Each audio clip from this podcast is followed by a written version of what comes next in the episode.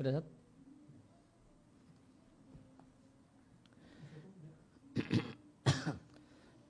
Alhamdulillah wa kafa wa salatu wa salam ala rasulil mustafa wa ala alihi wa sahbihi wa man tabi'ahum bi ihsanin ila yaumidin amma ba'd kaum muslimin dan muslimah santrimat al-ilmi rahimani wa rahimakumullah di kesempatan sore hari ini kita akan mulai pelajaran usul fikih dengan membaca dan mentelaah sarah risalah latifah fi usulil fiqhi yeah. matan karya Syekh Abdurrahman Ibn Nasir As-Sa'di rahimallahu taala dan penjelasan yang akan kita baca adalah penjelasan dari Syekh Sa'ad Ats-Tsatsri hafizallahu taala wa faqahu. Kita mulai dari halaman 5 mukadimah dari penyunting baina yaday syarhi sebelum syarah Innal hamdalillah nahmadu wa nasta'inuhu wa nastaghfiruh wa min shururi anfusina wa min sayyiati a'malina.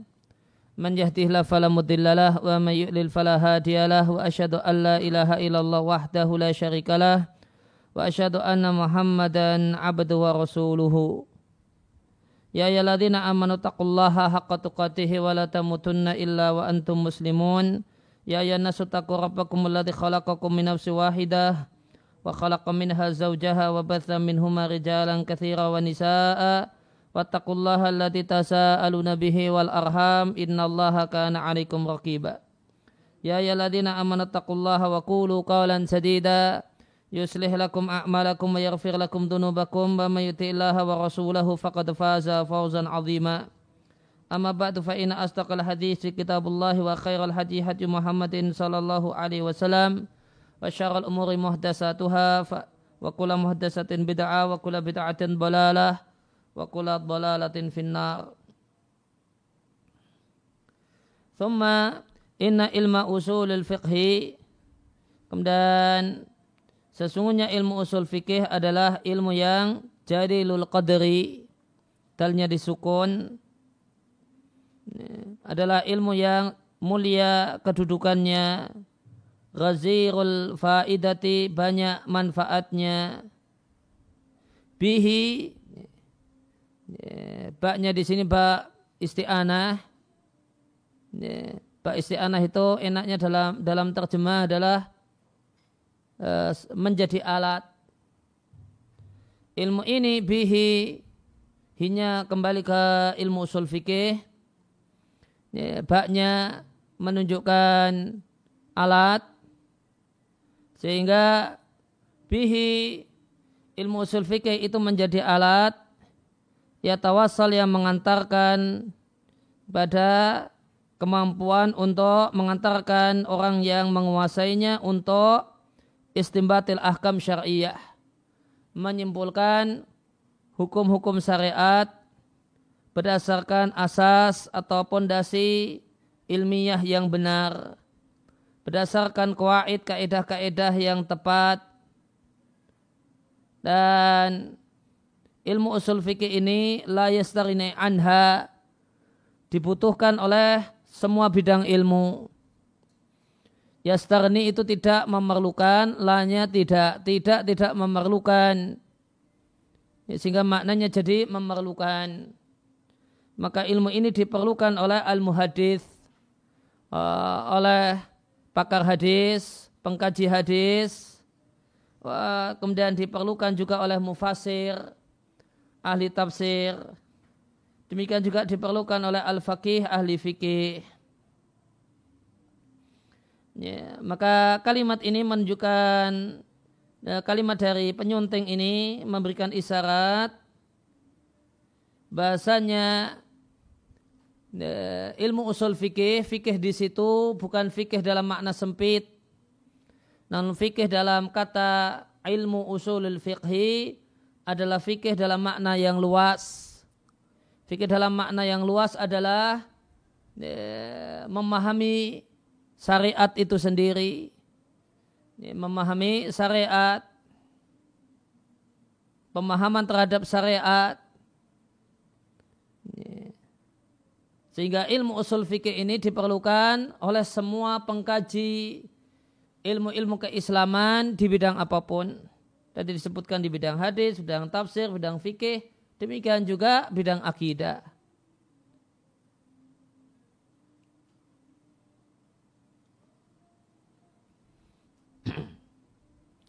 Maka bidang uh, apa pun yang mau dipelajari oleh seseorang, dikaji oleh seseorang, alat untuk memahaminya ya adalah ilmu usul fikih. Karena ilmu usul fikih ini adalah alat untuk ya, alat untuk memahami memahami teks Quran dan Sunnah. Dan teks Quran dan Sunnah ini yang digali oleh ya, pengkaji akidah, pengkaji hadis, pengkaji tafsir, pengkaji fikih dan yang lainnya. Bal wala tatimu alatu talibi bahkan tidaklah sempurna alat seorang penuntut ilmu illa bihadal ilmi kecuali dengan ilmu ini. Maka seorang itu tidaklah dinilai sebagai penuntut ilmu kalau dia tidak punya alat ini karena ini alatnya penuntut ilmu. Ini, nah, alat untuk memahami ini alat untuk mengkaji dan penuntut ilmu adalah seorang pengkaji dan ini alatnya. Maka tidaklah disebut penuntut ilmu kalau tidak punya alat ini. Fahadal ilmu maka ilmu ini tentu setelah pertolongan Allah Ta'ala adalah al-mu'in. Adalah alat bantu untuk bisa memahami teks syariat. Ini, kalau ada ungkapan teks syariat, nusus syar'i atau nusus syariah, artinya adalah Eh, ayat Al-Quran dan hadis Nabi. Kemudian menyimpulkan hukum syariat minha dari teks. Walihada oleh karena itu kita jumpai para ulama usul, yaitu ulama usul fikih, rahimahumullahu ta'ala, mereka mengorbankan jerih payah mereka, wa istafrahu, dan mereka curahkan kemampuan mereka, mereka habiskan waktu mereka, fi ta'sili masaili hadal ilmi. Untuk meletakkan dasar-dasar pembahasan ilmu ini hatta sara ilman mustaqilan sehingga menjadi ilmu yang mustaqilan berdiri sendiri ilmu yang mandiri ilmu yang independen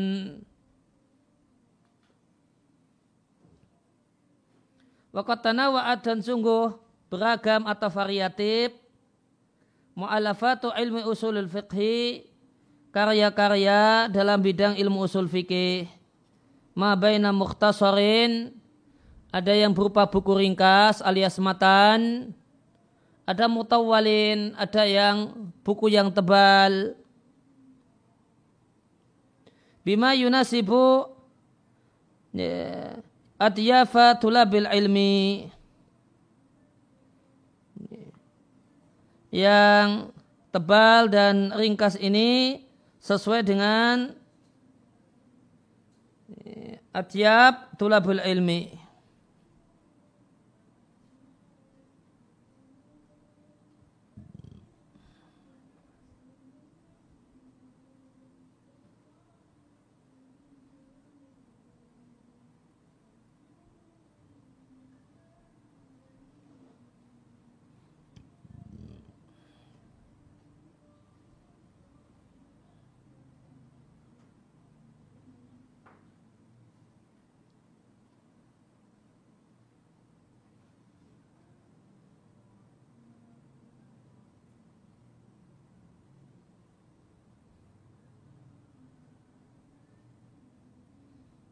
Kurang lebih kemampuan ya.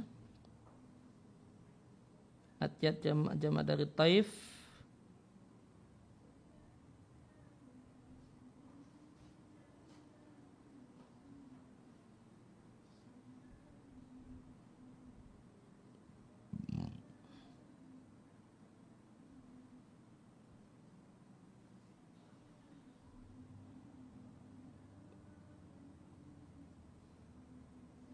Nah. Ya maka eh, sehingga tadi disampaikan sesuai dengan kemampuan penuntut ilmu maka di awal-awal belajar maka pelajari yang ringkas-ringkas terlebih dahulu. Nanti seiring lama belajar dan semakin uh, kokohnya ilmu maka akan meningkat pada yang lebih tebal dan yang lebih tebal. Sya'nuha sifat atau sifat buku-buku ilmu uh, ilmu usul fikih hanya kembali ke mu'alafat Fidalika dalam masalah tebal dan tipisnya adalah sya'nu kafatil ulumi sebagaimana sifat ilmu-ilmu yang lain. Fawudiat mu'alafatun maka diletakkanlah ya, di halaman tujuh maka diletakkanlah dan dibuatlah mu'alafat sejumlah buku untuk pemula yang karakternya tipis ya, tipis, ringkas Wa ukha kemudian karya-karya yang lain lil mutawasitin untuk lanjutan. Wa satu dan karya yang jenis yang ketiga lil mutaqaddimin untuk ya, yang sudah mumpuni.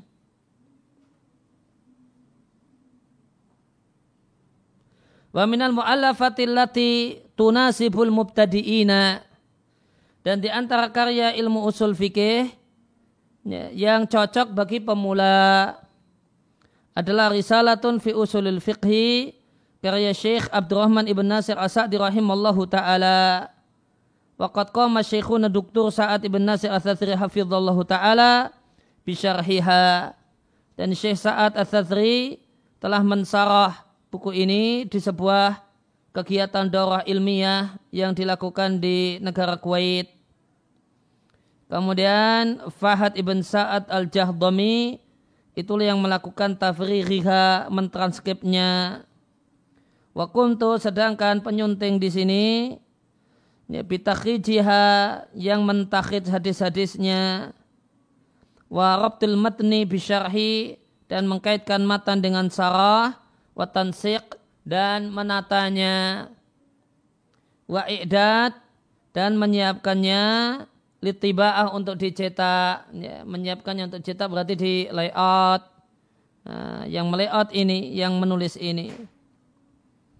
Rajian Allah Ta'ala ayan fa'abiha maktubatan wa makru'atan. Dengan berharap kepada Allah agar Allah memberikan manfaat. Dengan buku ini dalam keadaan tertulis dan dibaca wallahal azima as'alu. Ini bacanya wallahal azima. Ini maf'ul bihi muqaddam. Hanya kepada Allah zat yang maha agung aku memohon agar Allah memberikan manfaat pada karya ini dan kepada guru kami yaitu saya saat bihadal amal amal di sini karya. Ya, karya menulis buku. Demikian juga semua orang yang membacanya dan orang yang sahama memiliki kontribusi atau peran serta fi ikhrajihi untuk terbitnya wa nashrihi dan tersebarnya. Dan semoga Allah memberikan uh, karunia kepada kami semua kebaikannya dan pahalanya. Di hari tidaklah bermanfaat harta tidak pula anak kecuali orang yang datang menghadap Allah dengan hati yang bersih wa akhiru da'wana alhamdulillahi rabbil alamin ditulis oleh Abdul Nasir ibn Abdul Qadir Kemudian di halaman uh, lanjut ke halaman 9 ya, muqaddimatus syarah, muqaddimah dari pensarah, muqaddimah dari penjelasan kitab ini dan ini adalah muqaddimah dari pensarah dari Syekh Ta'at Asatri hafizallahu taala wa faqahu. Alhamdulillahi rabbil alamin nahmaduhu wa nuthni alaihi. Kami memujinya dan menyanjungnya. Uh, nashkuruhu jalla wa ala dan kami bersyukur kepadanya karena Allah menjadikan kami min ahli hadadinil qawim di antara pemeluk bagian dari pemeluk agama yang lurus ini dan min termasuk pengikut Nabi yang mulia sallallahu alaihi wasallam.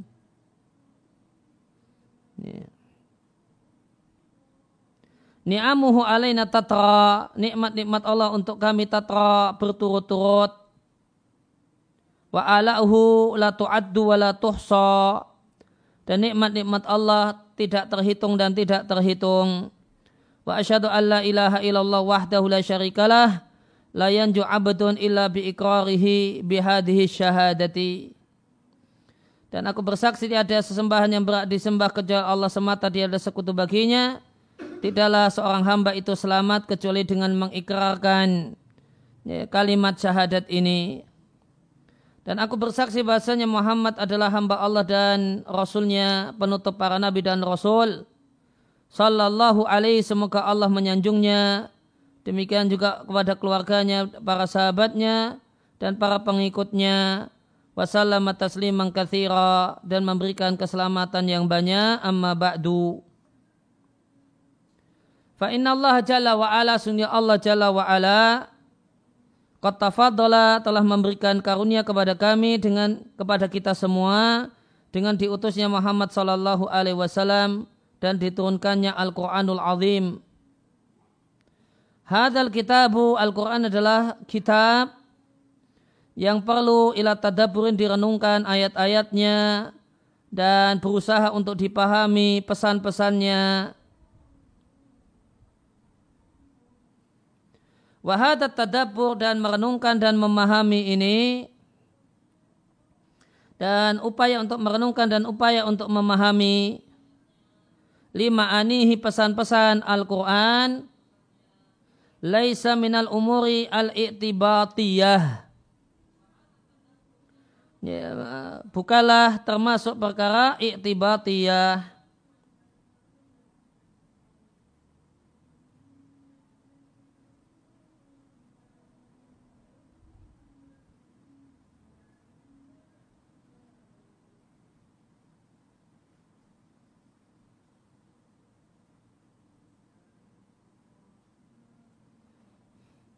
Iktibat duna sababin au illatin tanpa sebab.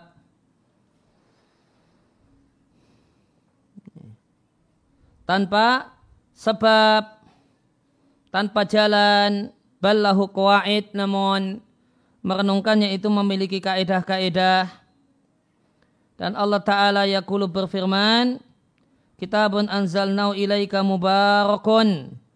Al-Quran adalah kitab yang kami turunkan kepadamu mubarakun dia penuh dengan kebaikan. Di antara kebaikan Al-Quran, membacanya itu sebab tenangnya hati. Membacanya menjadi sebab per hurufnya mendapatkan sepuluh pahala. Di antara kebaikannya adalah dia obat penyakit yang ada di dalam dada. Lihat baru ayatihi turun dengan dua tujuan pokok supaya mereka merenungkan ayat-ayatnya dan tentu tidak ada perenungan sebelum dibaca terlebih dahulu.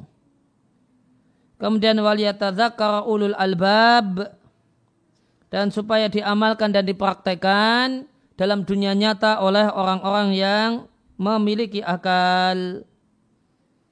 Wa yakulu jalla wa ala dan Allah jalla wa ala berfirman, Afala yatadabbarun al-Quran? Tidakkah mereka merenungkan isi Al-Quran?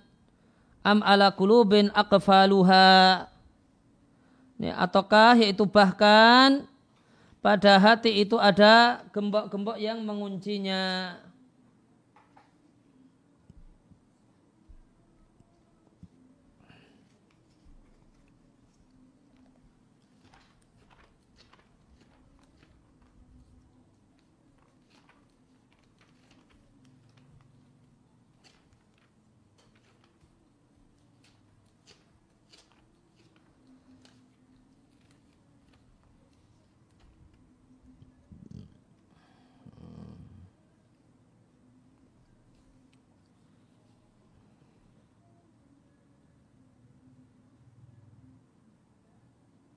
Ya, surat Muhammad ayat 24.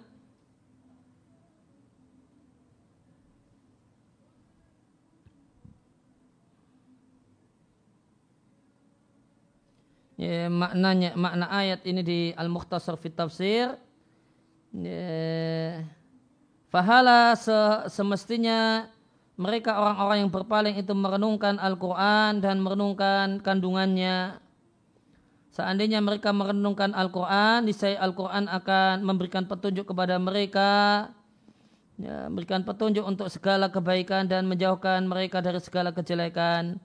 Am ataukah di am ataukah pada hati mereka terdapat gembok yang telah demikian kongkoh mengunci hati sehingga nasihat tidak masuk kepadanya dan peringatan pun tidak manfaat baginya. Kemudian di di halaman 10 uh, uh, ada kutipan ayat yang lain di surat An-Nisa ayat yang ke-82, tidakkah mereka menurunkan Al-Qur'an? Seandainya Al-Qur'an itu berasal dari selain Allah, niscaya mereka akan temukan padanya perselisihan yang banyak. Nah, karena Al-Qur'an itu datang dari Allah, maka mereka tidak menemukan padanya perselisihan sama sekali.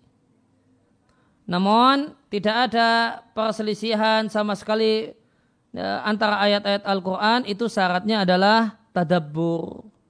Sebagaimana di awal ayat. Ya, maka merenungkan Al-Quran, upaya merenungkan Al-Quran lahu kawaid memiliki kaidah. Siapa yang ingin memahami Al-Quran tanpa kaidah-kaidah ini, sayunazzilu Ya, nazzala yunazilu artinya memposisikan, menempatkan. Maka dia akan memposisikan firman Allah tidak pada apa yang Allah inginkan. Wa min huna maka dari sini fa inna fahmal kitab wa sunnah ya. maka memahami Al-Quran dan sunnah yang taliku itu berangkat dari pengetahuan terhadap kaedah-kaedah. Yang kaedah ini telah iktanal ulama ubiha. Para ulama telah memberikan perhatian dengannya dan telah mengumpulkannya. Itu kaedah-kaedah ilmu usul fikih. Hmm. maka kalimat dari sesaat ini memberikan pelajaran bagi kita bahasanya ya, jargon mengikuti Quran dan Sunnah dengan pemahaman yang benar atau dengan pemahaman salaful ummah itu tidaklah ya, tidaklah mungkin dipraktekkan kecuali jika orangnya orang yang memegangi mutu tersebut adalah orang yang mengerti ilmu usul fikih yang diwariskan oleh salaful ummah. Karena memahami Quran dan Sunnah itu ya, harus dengan kaedah-kaedah yang telah diletakkan oleh para ulama yang diwariskan dari salafu hadhil ummah. Wa awaluman dan ulama pertama yang mengumpulkannya sebagai buku tersendiri adalah Alimah Musyafi'i di kitabnya Arisalah. Walidhalika oleh karena itu maka ilmu usul fikih maka ilmu usul yaitu ilmu usul fikih itu ilmu sunni salafi. Karena ibtada'a at-ta'lifu karena penulisan buku fihi dalam bidang ilmu usul fikih ibtada'a dimulai oleh salah satu imam sunnah yaitu al-imam syafi'i rahimallahu ta'ala. Wahadal ilmu dan ilmu ini para ulama telah berturut-turut ala ta'lifi menulis buku tentangnya mereka menulis fihi di bidang ilmu usul fikih banyak karya mabaina mutawilin ada yang tebal wa mukhtasarin ada yang ringkas. Wa mabaina dzakirinil aqwali wal ara'i. Dan ada yang menyebutkan pendapat wal ara' dan pendapat harisin dengan antusias untuk menerapkan kaidah-kaidah pada dalil-dalilnya. Wala ja'li hadil qawaidi dan menjadikan kaidah-kaidah ini mutabakotan diterapkan pada contoh-contoh kasusnya. Waminhuna maka dari sini maka tidak sah, tidaklah benar, tidaklah tepat. Kauluman yakul Orang yang mengatakan binisbati hadal ilmi dengan menasabkan ilmu ini ila ba'di ahli bid'ah kepada sebagian ahli bid'ah. Ya, misalnya mengatakan ilmu usul itu ilmunya Mu'tazilah. Ya, maka ini satu hal yang tidak tepat. Ya, meskipun banyak tokoh-tokoh Mu'tazilah yang menjadi uh, ya, menjadi ya, pengkaji dan tokoh dalam ilmu usul fikih. Maka mengatakan kalau ilmu usul fikih adalah ilmunya Mu'tazilah, maka ini perkataan yang batil. Di antara buktinya, fa inna awwalaman orang yang pertama kali menulis buku ya, yang secara independen uh, menulis buku tentang ilmu usul fikih tersendiri adalah Al-Imam Syafi'i, salah satu imam ahlu sunnah. Waqat tataba dan berturut-turut silih berganti para ulama menorehkan karya fihi dalam bidang ilmu usul fikih. Dan adanya sebagian karya yang ditulis oleh sebagian ahli bid'ah dalam bidang ilmu ini, halaman 11, layak ini tidaklah bermakna kalau anna bahasanya ilmu usul fikih bukan bagian dari ilmu sunni salafi. Ya, sebagai contoh pembanding, sebagaimana tafsir Al-Quran, sebagian ahli bid'ah pun menulis buku tentang tafsir Al-Quran. Dan sarah hadis kata bafiha ba'dul mubtadi'ati. Sebagian ahli bid'ah juga menulis buku sarah hadis. Ya, maka adanya ahli bid'ah yang menulis dalam bidang ilmu tertentu layak yakni hada. Ini tidak bermakna ilmu tersebut dinasabkan kepada mereka-mereka ahlul bid'ah. Waktu dan terkadang sebagian orang menganggap sulit ada dan sejumlah kalimat dan ungkapan yang dijumpai dalam ilmu ini yaitu ilmu usul fikih. Wadhalika dan hal tersebut sebabnya karena dia lam yata'awad belum terbiasa dengan istilah-istilah yang digunakan dalam ilmu ini. Karena ilmu usul fikih itu mabniun dibangun di atas sejumlah pesan dan istilah. Dan siapa yang menginginkan memahami ilmu ini maka dia harus mengetahui dan mengenal makna yang diinginkan dari istilah-istilah tersebut. Dan ini berlaku untuk semua ilmu. Misalnya ilmu hadis. Ya, siapa yang mau mendalami ilmu hadis, maka dalam ilmu hadis terdapat banyak istilah. Nah, istilah-istilah itu harus dikuasai terlebih dahulu agar kita bisa membaca buku di bidang hadis, demikian juga bidang tafsir dan yang lainnya. Al-murad yang dimaksudkan dengan ilmu usul fikih alias pengertian ilmu usul fikih.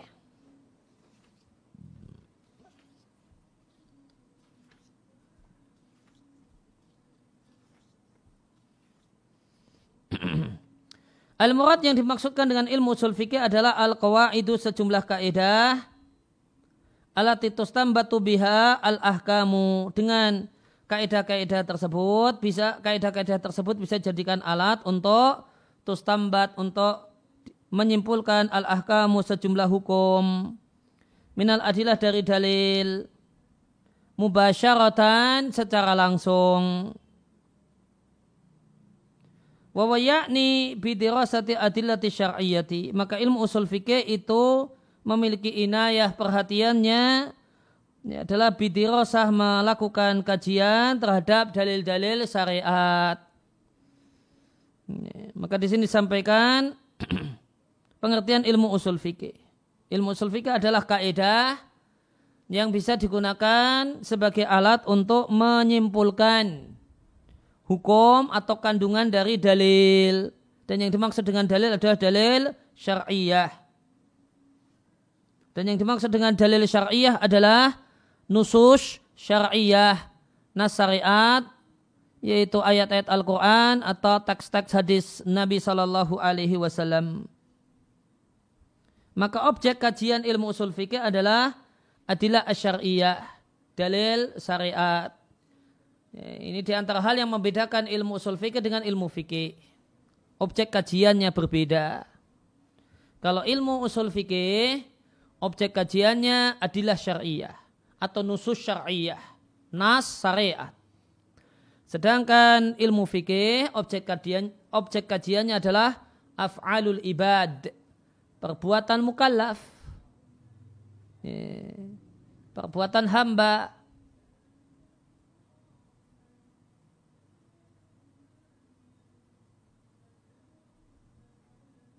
Kemudian aksamu ilmil usuli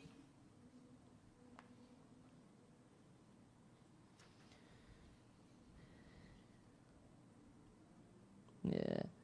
Uh, ini terjemah yang enak bukan pembagian ilmu usul fikih seakan-akan nanti ilmu usul fikih ada uh, namun uh, pembahasan ilmu usul fikih. Ini aksam ilmu usul pembahasan ilmu usul fikih. Ya takawan tersusun ilmu usuli ilmu usul fikih ya takawan tersusun min arbaati aksamin empat ya, bahasan. Bahasan yang pertama, empat pembahasan, yaitu pembahasan yang pertama, ya, gambaran global berkenaan dengan hukum syariat. Misalnya dalika contohnya kita jumpai perkataan para ulama, mereka mengatakan ini wajib. Apa makna wajib? Halaman 12. Ini mandub, apa makna mandub? Ini sah, apa makna sah? Ini mujzi, apa makna mujzi? Ini adaan, ini ditunaikan adaan, yaitu ditunaikan pada waktunya. Hada adaun, wahada qada'un, ini qada' dilaksanakan setelah waktunya berakhir, ini syarat, ini manik faktor penghalang ila akhirihi. Falabuta maka tidak boleh tidak min wujudi tasawurin sahihin ada persepsi yang benar untuk istilah-istilah dalam ilmu usul fikih. Maka di bagian awal sering kita jumpai, umumnya kita jumpai di bagian awal buku ilmu usul fikih pembahasan tentang ahkam. Ini, ini dibahas tentang macam-macam hukum, ini, hukum taklifi, hukum wada'i dan seterusnya. Ini untuk memberikan tasawur ijmal, gambaran global tentang hukum syariat.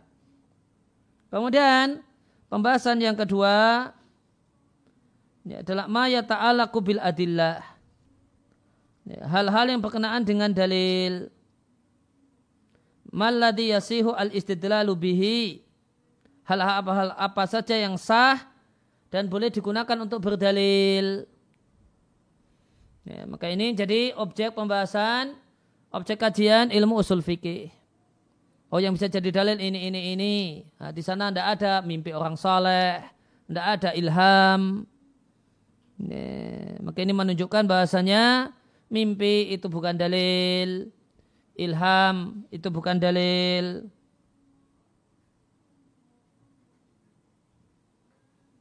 Wa al istidlalu bihi dan hal apa yang tidak sah digunakan sebagai dalil. Misalnya Al-Quran dan Sunnah adalah adilatun sahihatun dalil yang sah. Akan tetapi rinciannya, qad yaqa'u boleh jadi terjadi ba'dun nizai, sedikit perselisihan. Semisal, al-istidlah pendalilan dengan kira'ah sadah. Ada dalam masalah il, uh, ilmu Al-Quran, di pembahasan ilmu Al-Quran ada sebutan kira'ah sadah Yeah. Itu satu satu model bacaan yang tidak memenuhi kriteria. Ya. Uh, memenuhi kriteria untuk disebut dengan ya, kiroah mutawatirah. Semisal juga al-istidlal pendalilan dengan hadis ahad yang menyelisihi namun kontennya menyelisihi kias, menyelisihi kaidah atau fil hudud dalam hukuman had atau dalam kafarah dan semacam itu. Wa aidan demikian juga masih di bagian yang kedua ada pembahasan tentang apakah ijma itu dalil yang sahih. Apakah kias itu boleh digunakan untuk berdalil? Apakah pendapat sahabat itu hujah syar'i? Apakah satu dara'i menutup Ya, jalan kejelekan itu juga demikian. Jika ia mal murad bihadil adillah. Apa yang dimaksudkan dengan dalil-dalil di atas? Ya, kalau sahabat itu apa pengertiannya? Satu darah itu apa maksudnya? Dan seterusnya.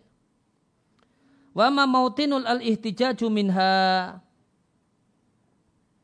Dan dan apa ya, tempat pendalilan darinya wa malladzi la minha. Dan apa yang la yuhtaju minha yang tidak boleh dijadikan sebagai hujah. Ya, maka ya, menutup jalan kejelekan ini ya, jalan kejelekan itu yang dimaksudkan ada berapa macam mana yang ditutup mana yang tidak boleh ditutup. Nah ini dibahas ya, demikian, demikian juga misalnya kaulu sahabi pendapat sahabat pendapat sahabat mana yang disepakati tidak boleh jadi dalil dan yang disepakati adalah dalil dan yang diperselisihkan bisa jadi dalil ataukah tidak. Kadalika demikian juga kita jumpai banyak orang berdalil dengan berbagai hal. Labuda minan nadhari fiha. Yang harus ditelaah. Hal hiya adillatun. Apakah itu layak untuk jadikan dalil? Sebagian orang Idza takallama ketika berbicara di halaman 13 berdalil dengan perkataan sebagian tabi'in. Sebagian orang ketika berbicara berdalil dengan manamat, ru'a, mimpi dan mimpi. Sebagian orang jika berdalil berdalil dengan bihusuli ba'dil maqasidi syar'iyyah. Ya, terwujudnya ya, terwujudnya sebagian tujuan syariat yaitu terwujudnya maslahat li amal minal amal untuk satu satu amal sebagian lagi berdalil dengan mengikuti bapak dan kakek yaitu nenek moyang dan berdalil dengan budaya dan semacam itu sahkah berdalil dengan itu semua ini pembahasan ilmu usul fikih yang kedua al-adillah Ya, kalau yang pertama tadi al-ahkam, kemudian yang kedua al-adillah. Ya, kemudian pembahasan yang ketiga adalah kaidah-kaidah untuk memahami teks Al-Quran dan hadis. Mata yakun al-lafdu khobaron. Ya, kapankah satu redaksi itu statusnya kalimat berita? Wa mata dan kapan yakuno insyaan statusnya kalimat non berita. Kapan satu kalimat itu nilainya perintah dan kapan satu kalimat itu nilainya larangan. Wa kana amran dan jika status satu kalimat itu perintah, apakah menghasilkan hukum wajib? Apakah bisa disimpulkan minhu dari perintah al-fawriyah segera dilakukan? Wahal dan apakah huwa kalimat perintah itu dalun alat takrar. Banyak orang bacanya tikrar dan itu cara baca yang salah. Yang betul baca e, bacanya takrar bukan tikrar. Nah, apakah perintah itu dalun menunjukkan alat takrar harus diulang ataukah cukup sekali?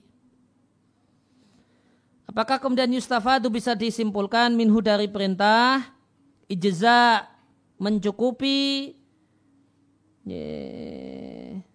ijza cukup dan sahnya melakukan perbuatan yang diperintahkan. Apakah kemudian berdampak pahala dan pahala wahakada demikian seterusnya fi baqiyati anwa'il kalami untuk jenis-jenis kalimat yang lain selain kalimat perintah. Semisal kalimat larangan, kalimat umum, kalimat khusus, kalimat itlak, muqayyad dan e, mutlak dan muqayyad yang nanti ini istilah-istilah yang akan kita bahas di belakang. Wakadhalika demikian juga di bagian atau pembahasan yang ketiga ini ya, ada pembahasan tentang ya ta'ala berkenaan dengan pemahaman terhadap teks, pemahaman terhadap alfat, dan kandungan yang samar tidak gamblang dari sebuah teks. Malladhi yustadalu bi minha. Nah, apa yang bisa dijadikan sebagai dalil? Wa malladhi yakunu tariqan sahihan lil fahmi. Dan apa yang e, menjadi jalan yang benar lil fahmi untuk dipahami ya, mana yang menjadi metode yang tepat lil fahmi dalam pemahaman Ya, apa yang dimaksud dengan dalalah isyarah? Apa yang dimaksud dengan dalalah tanbih? Ya, apakah boleh berhujah dengan maf, mafahim mafhum dengan berbagai macam bentuknya? Ya. Nanti akan ada mafhum muafakah, ada mafhum mukhalafah. Nah, apakah bisa jadikan dalil?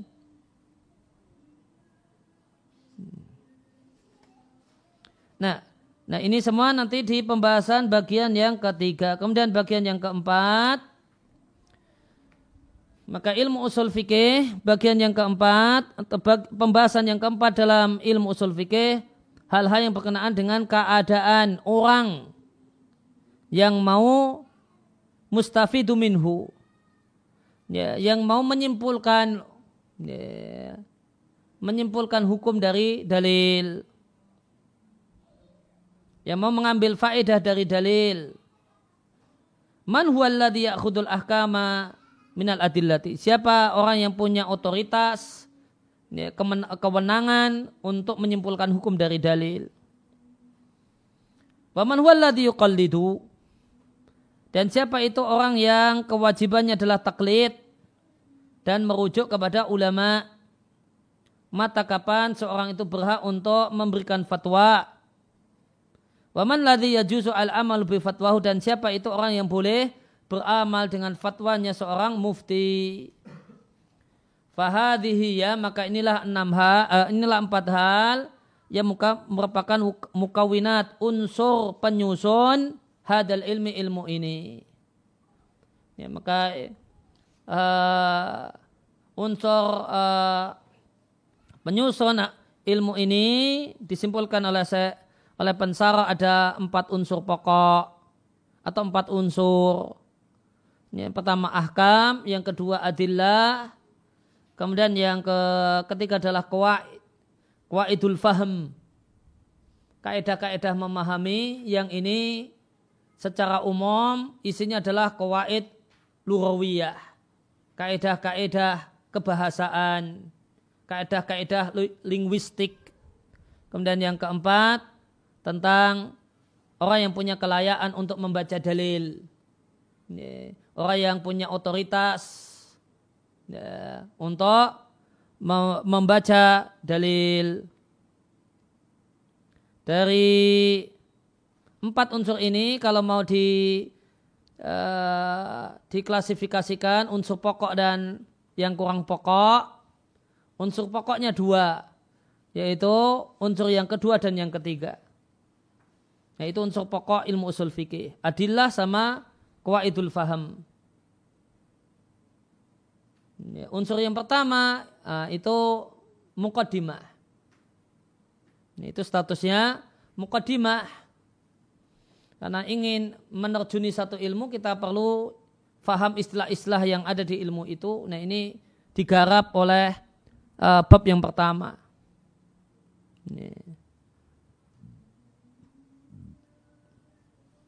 Ya, kemudian karena tidak semua orang itu punya kelayakan untuk uh, menggunakan kaidah, ya, maka ditambahkan uh, unsur yang keempat. Kriteria orang yang uh, punya kelayakan untuk mentelaah dalil. Nah, kemudian kita ya, masuk pada pembahasan berikutnya dari pensara itu ilmu usuli manfaat belajar ilmu usul fikih. Ilmu usul fikih bisa didapatkan minhu dari ilmu usul fikih ini itu kathiratun banyak faedah di antaranya. Yang pertama membuat ridha Allah Rabbul Izzati wal Jalal pemilik kemuliaan dan keagungan. Fa'innau karena ilmu usul fikih adalah ilmu syar'i, ilmu agama yang bisa digunakan untuk mendekatkan diri kepada Allah. Ya, dengan belajar ilmu ini seorang mendapatkan pahala dan ganjaran. Wa yakunu sababan dan menjadi salah satu sebab tingginya derajat seorang hamba di akhirat. Di surga yang kekal, demikian juga derajat, meninggikan derajat di dunia. Dengan menjadi ahli ilmi, orang yang berilmu yang didoakan oleh banyak orang, oleh murid-muridnya dan orang-orang yang mendapatkan manfaat dari ilmunya. Kemudian yang kedua, ilmu ini adalah ilmu yang menjadi alat untuk memahami Quran dan Sunnah. Dengan ilmu ini dikenal dan diketahuilah maksud Allah. Biwasitati dengan perantaran ilmu ini dikenalilah maksud Rasulnya Sallallahu Alaihi Wasallam. Wa minhuna maka dari sini layasihu tidak boleh. Tidak sah ini maksudnya tidak boleh. Anu hamila alkitab wa sunnah minal ma'ani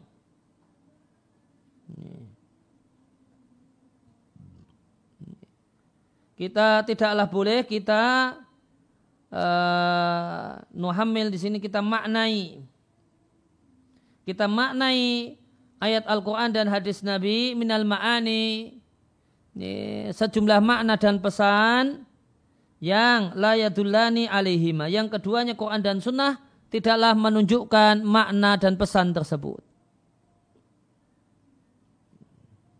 Nah, gimana mengetahui ya, pesan-pesan seperti ini nih masuk dalam teks ini dan tidak atau tidak termasuk dalam teks ini?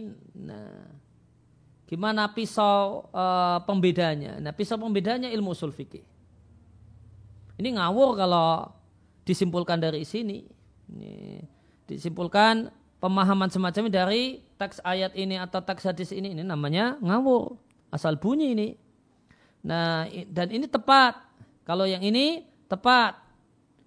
Nah, alat untuk bisa mengetahui tepat dan tidak membuat simpulan dari teks Al-Quran atau hadis Nabi, ya, alatnya adalah ilmu usul fikih. Yang ketiga, ilmu ini adalah jalan ilal wusul supaya bisa sampai pada derajat beristihad yang biha dengan derajat istihad seorang itu mampu untuk mengetahui hukum perbuatan-perbuatannya dan hukum perbuatan orang lain. Wa min sama bacanya sama bukan summa. Summa kemudian kalau sama di sana.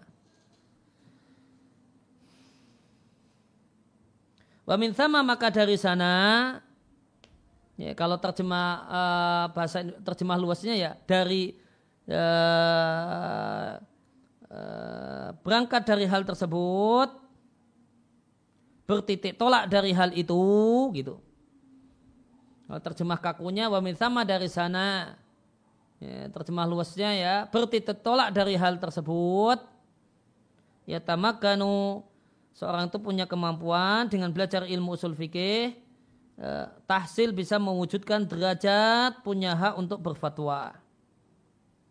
Dan minimal ya minimal bagi penuntut ilmu seperti kita dengan belajar ilmu usul fikih kita bisa memahami nalar. Nalar ulama. Kenapa dari dalil ini disimpulkan hukum demikian? Tanpa ilmu tanpa ilmu usul fikih kita tidak akan bisa memahami nalar ulama. Kenapa kok uh, fatwanya demikian? Nih.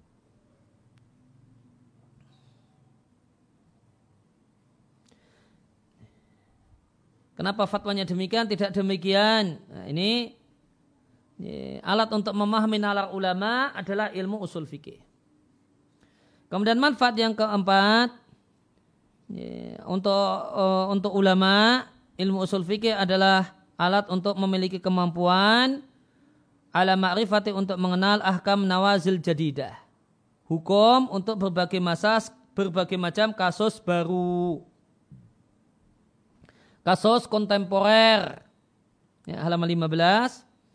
Fa'inau yahdusu maka terjadi dalam kehidupan manusia nawazil kasira kasus-kasus yang demikian banyak mutatabi'ah berturut-turut atau bertubi-tubi Nah kasus-kasus ini jika kita ingin mengetahui hukum Allah padanya, Fala Buddha maka haruslah kita mengetahui kaidah-kaidah usul fikih, kemudian menerapkannya pada dalil-dalil syariat yang berkaitan dengannya.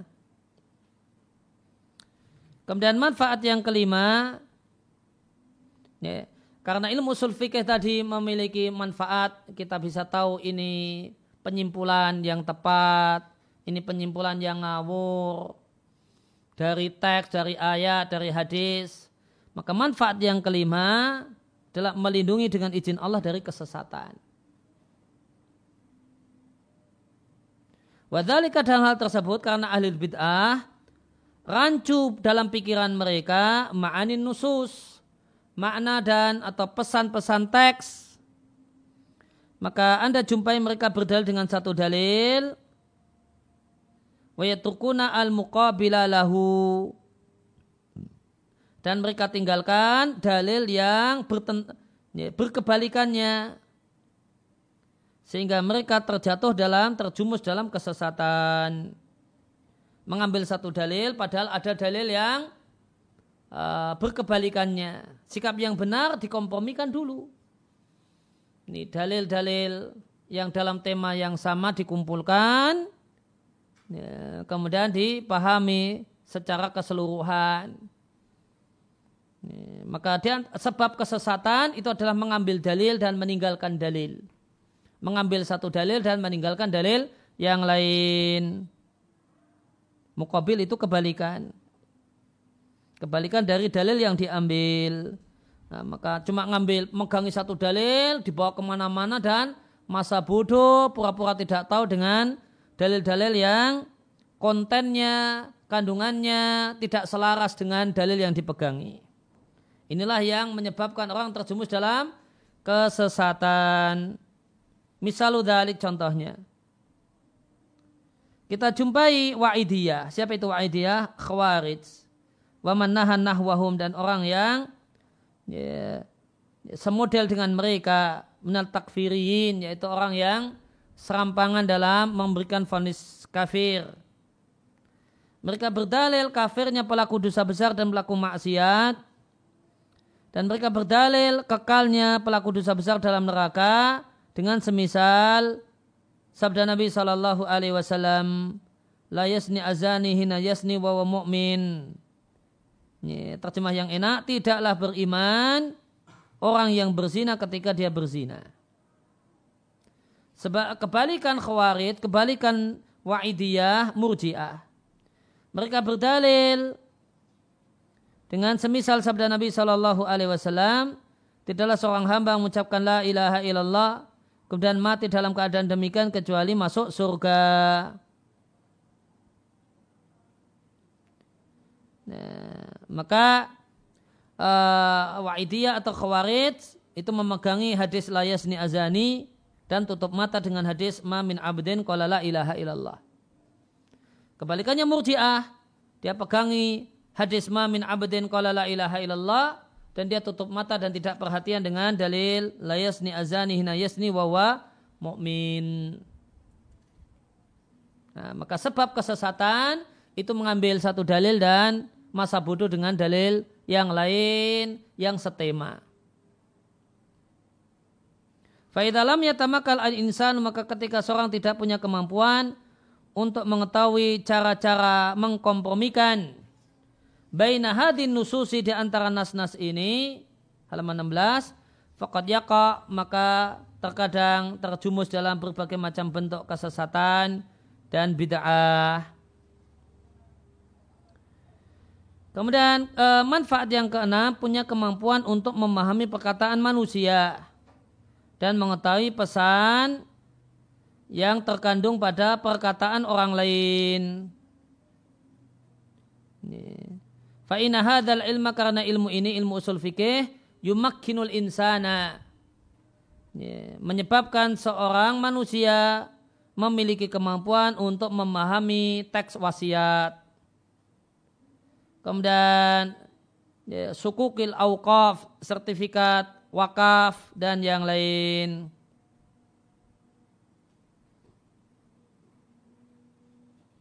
Kemudian manfaat yang ketujuh, seorang e, dengan belajar ilmu usul fikih, seorang itu akan memiliki kemampuan untuk menyampaikan isal ma fi nafsihi minal ma'ani.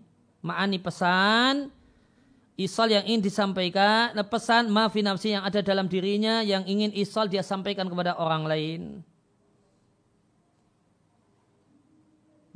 Karena orang yang belajar ilmu usul fikih itu akan menjadi orang yang jeli dalam berbahasa. Karena kita uh, dididik dan diajari oleh ilmu usul fikih untuk cermat uh, dengan bahasa. Cermat dengan satu kata. Ya, maka orang yang belajar ilmu usul fikih dia akan punya kemampuan untuk menyampaikan pesan kepada orang lain dengan baik wal kudrah dan punya kemampuan ala dakwati ilallahi untuk berdakwah, berdebat dengan orang, ya, wa munaqqasah dan diskusi dengan orang lain, fima ya'ridu lahum dalam hal-hal yang terjadi pada mereka.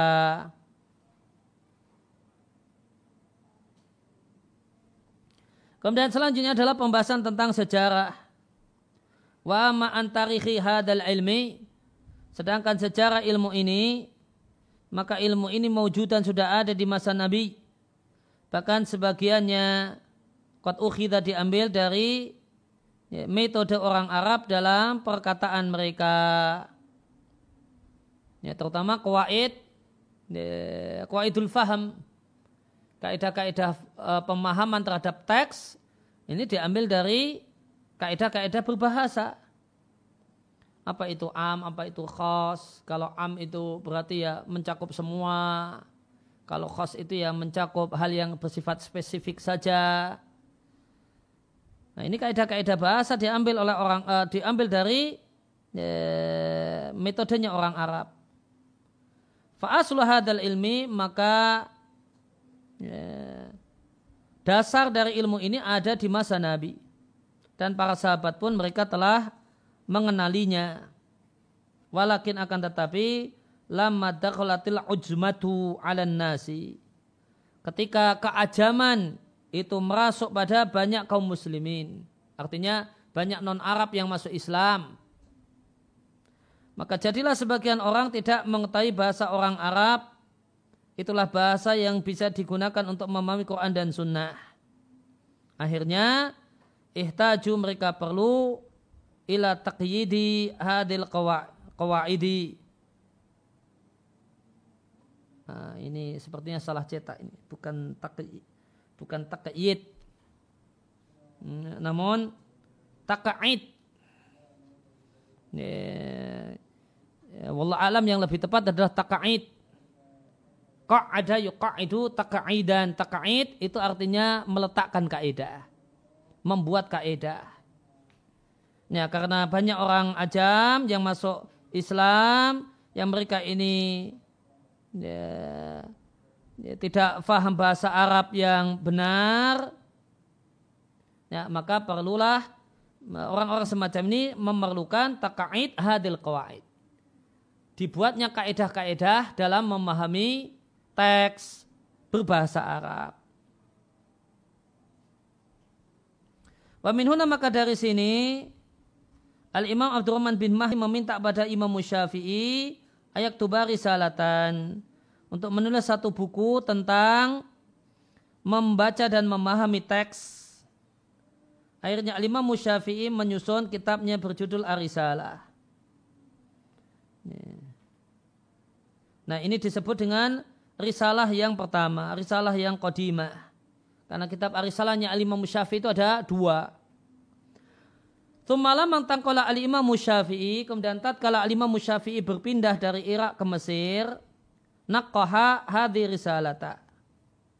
Ya, maka beliau edit lagi kitab Arisalah pertama tersebut. Naqaha yunaqih artinya beliau bersihkan, ya berarti uh, diedit mana yang perlu, mana yang tidak perlu. Wa ada tartibaha kemudian disusun ulang.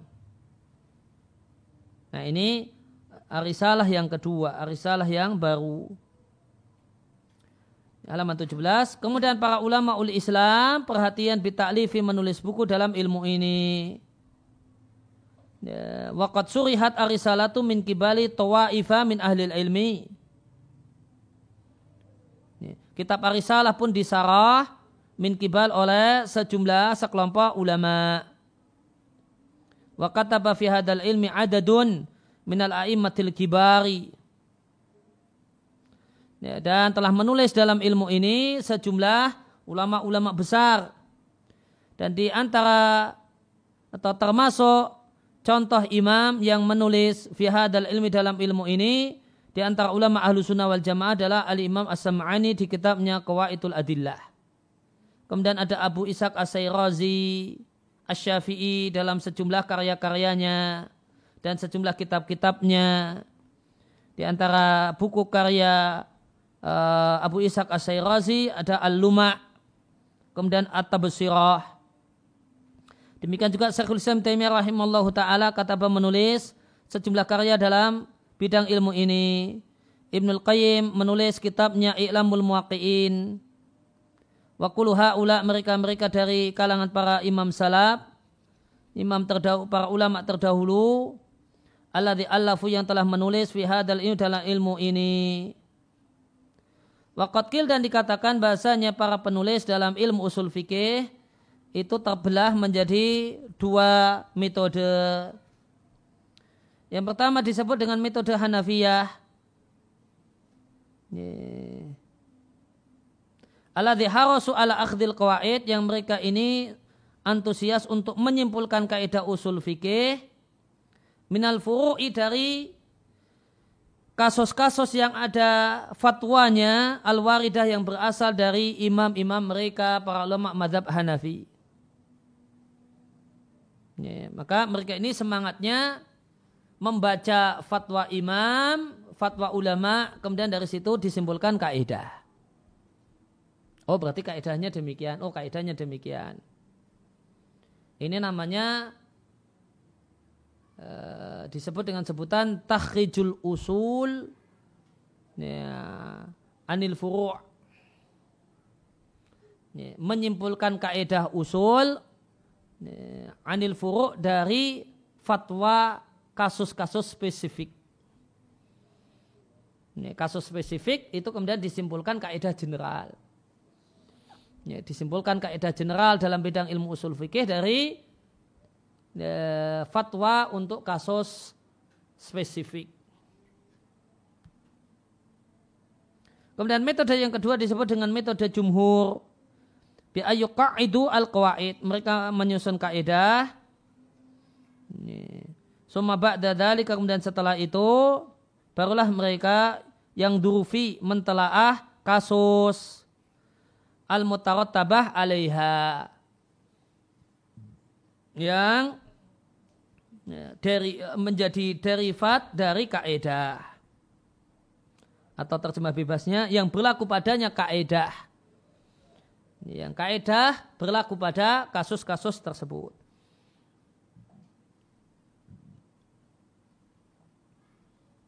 Dan perbedaan di antara dua aliran ini madrasah itu eh, mbak biasa diterjemahkan kalau dalam bahasa Inggris dengan sekolah, ya, ya kurang lebih aliran. Dan perbedaan di antara dua madrasah ini, ya, dua aliran ini, fil istilahat dalam istilah. Karena masing-masing dari keduanya punya metode khas dalam pembuatan istilah.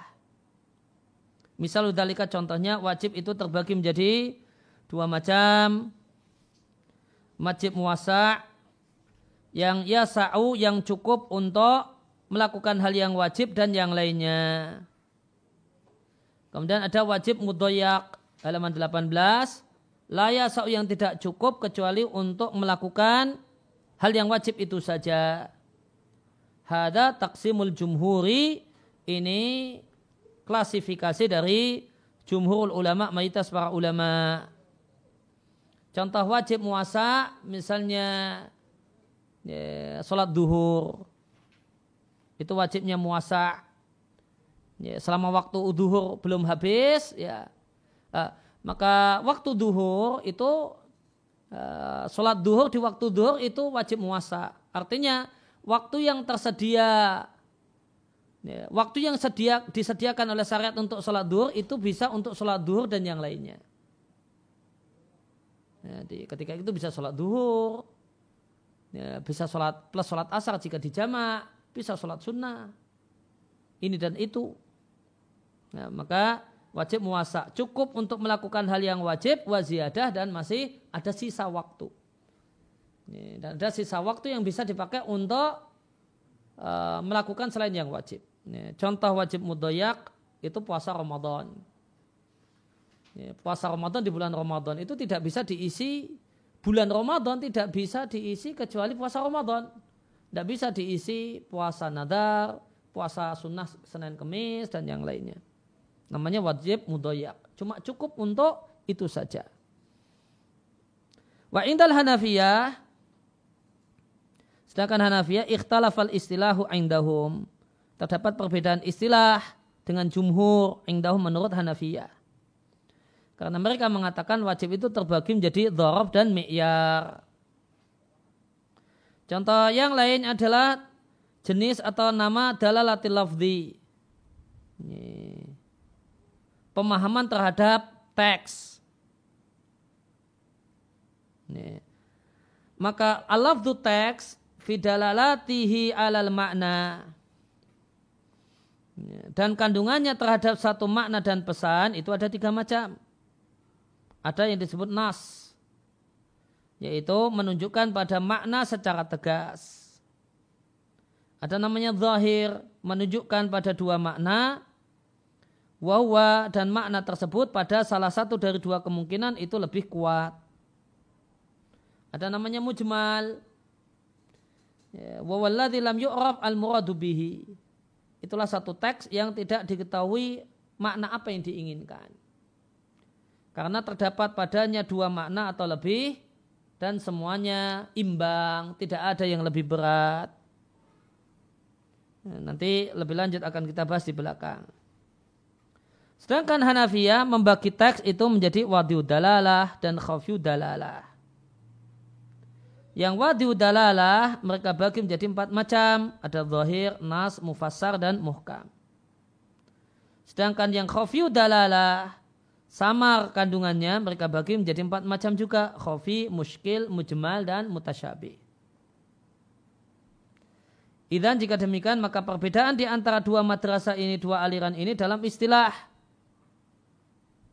halaman 19 waqat i'tana ta'ifatun minal mutaakhirin dan sejumlah ulama era belakangan i'tana perhatian bi muhawala untuk mengupayakan mengkompromikan di antara dua aliran Bita'rif dengan mendefinisikan istilah-istilah masing-masing dari dua grup ini kemudian menjadikannya bijiwar didekatkan ya, bijiwari ba'dihima dengan didekatkan pada yang lain. Maka dibahas sekaligus dua-dua istilah tersebut dipelajari kemudian uh, tentu yang namanya ilmu itu ada sumbernya ini, ini sumber sumbernya ini asalnya ilmu ini disusun dari sumber apa? Ya, maka ada misalnya kalau mungkin ilmu biologi atau fisika dari eksperimen. Oh dari eksperimen-eksperimen maka uh, maka itu jadi unsur penyusun sebuah ilmu. Nah ini poin selanjutnya. Ma hmm, ma, eh, ma yastamidu ilmal usuli. Unsur-unsur apa yang menjadi ya, penyusun ilmu usul fikih.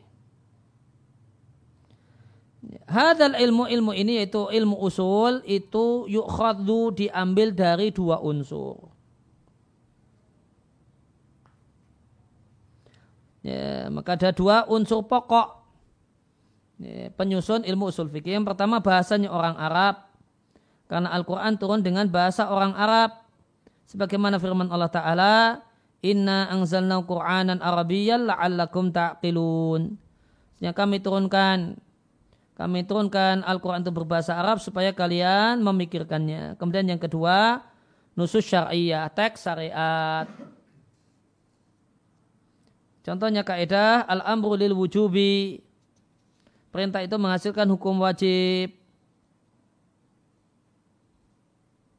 akhadnaha min syai'aini Kaidah ini kita simpulkan dari dua hal. Yang pertama bahasanya orang Arab.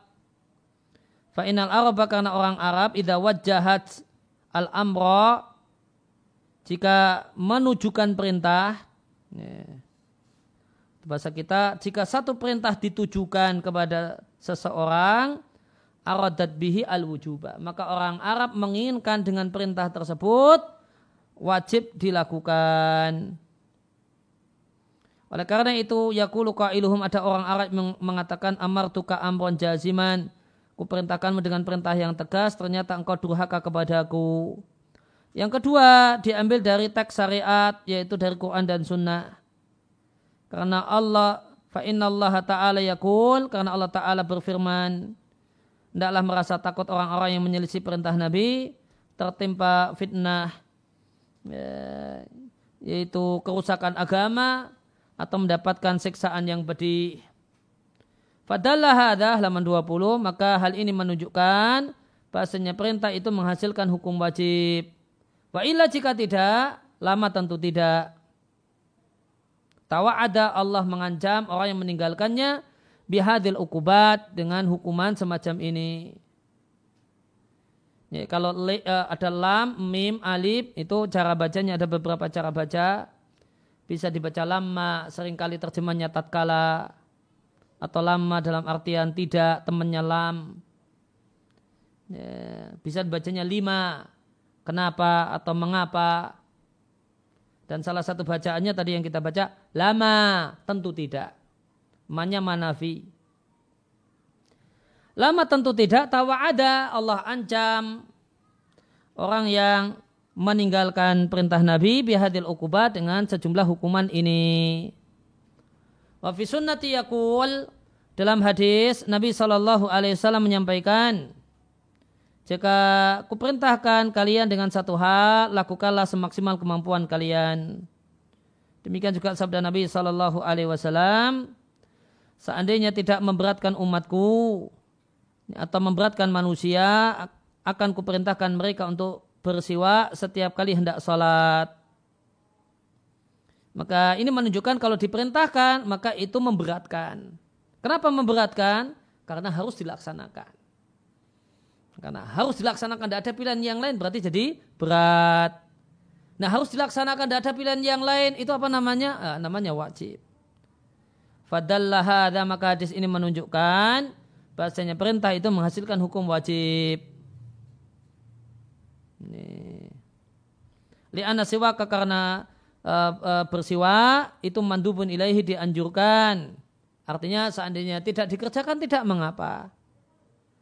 Wa ma'adhalika di samping itu lam ya'mur bihi Nabi tidak memerintahkannya dengan perintah wajib. Kalau, kalau Nabi perintahkan dengan perintah wajib nanti akan memberatkan umat. Kenapa memberatkan? Karena harus dilaksanakan. Ya, kemudian selanjutnya hukum belajar ilmu usul fikih.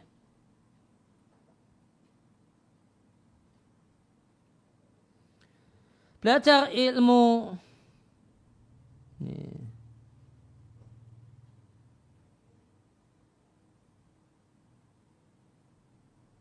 Oh, ini ilmu usul. Ini bukan ilmu usul, ini ilmu usul ya, ilmu usul. Ta'allamu ilmu usuli itu alif bukan wawu. Belajar ilmu usul fikih minal wajibat, hukumnya wajib. Globalnya hukumnya wajib. Karena syari, karena pemilik syariat yaitu Allah, memerintahkannya dengan perintah yang tegas. Namun manusia ada dua tingkatan. Yang pertama, man ta'ahala lil futya. Orang yang punya kelayaan untuk berfatwa.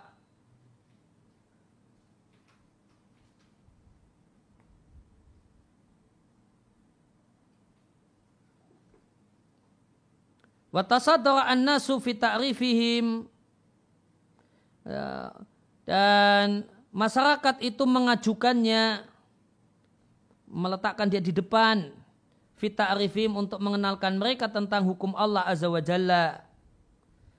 Fahada yakunu ta'alumu ilmil usul fi haqqihi min furudil a'yani.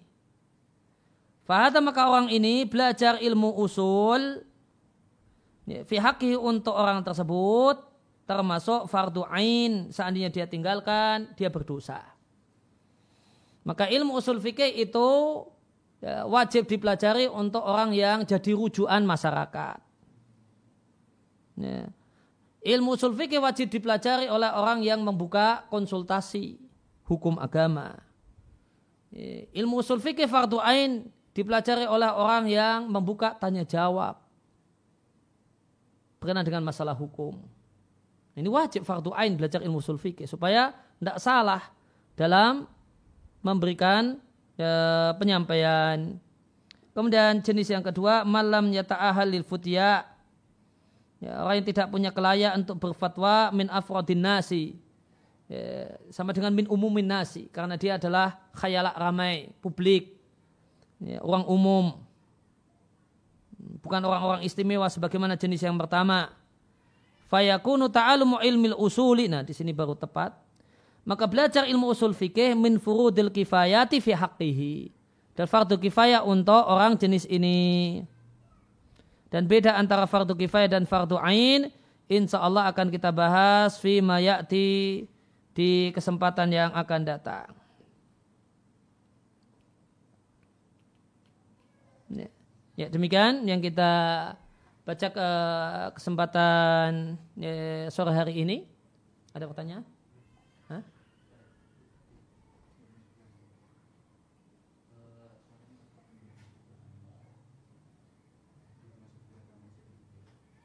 Tidak apa-apa nanti saya ulang.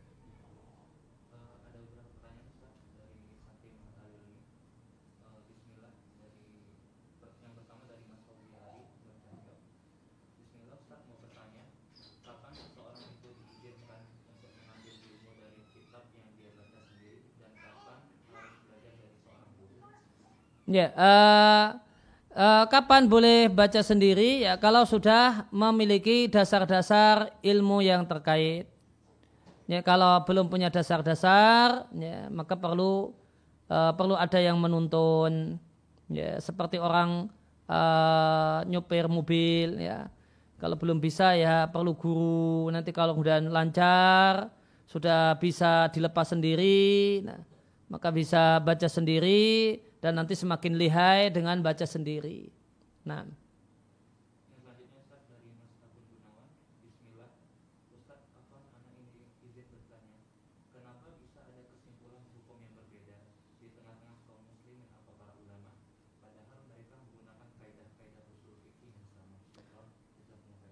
Sebagian kaidah usul fikih tidak disepakati.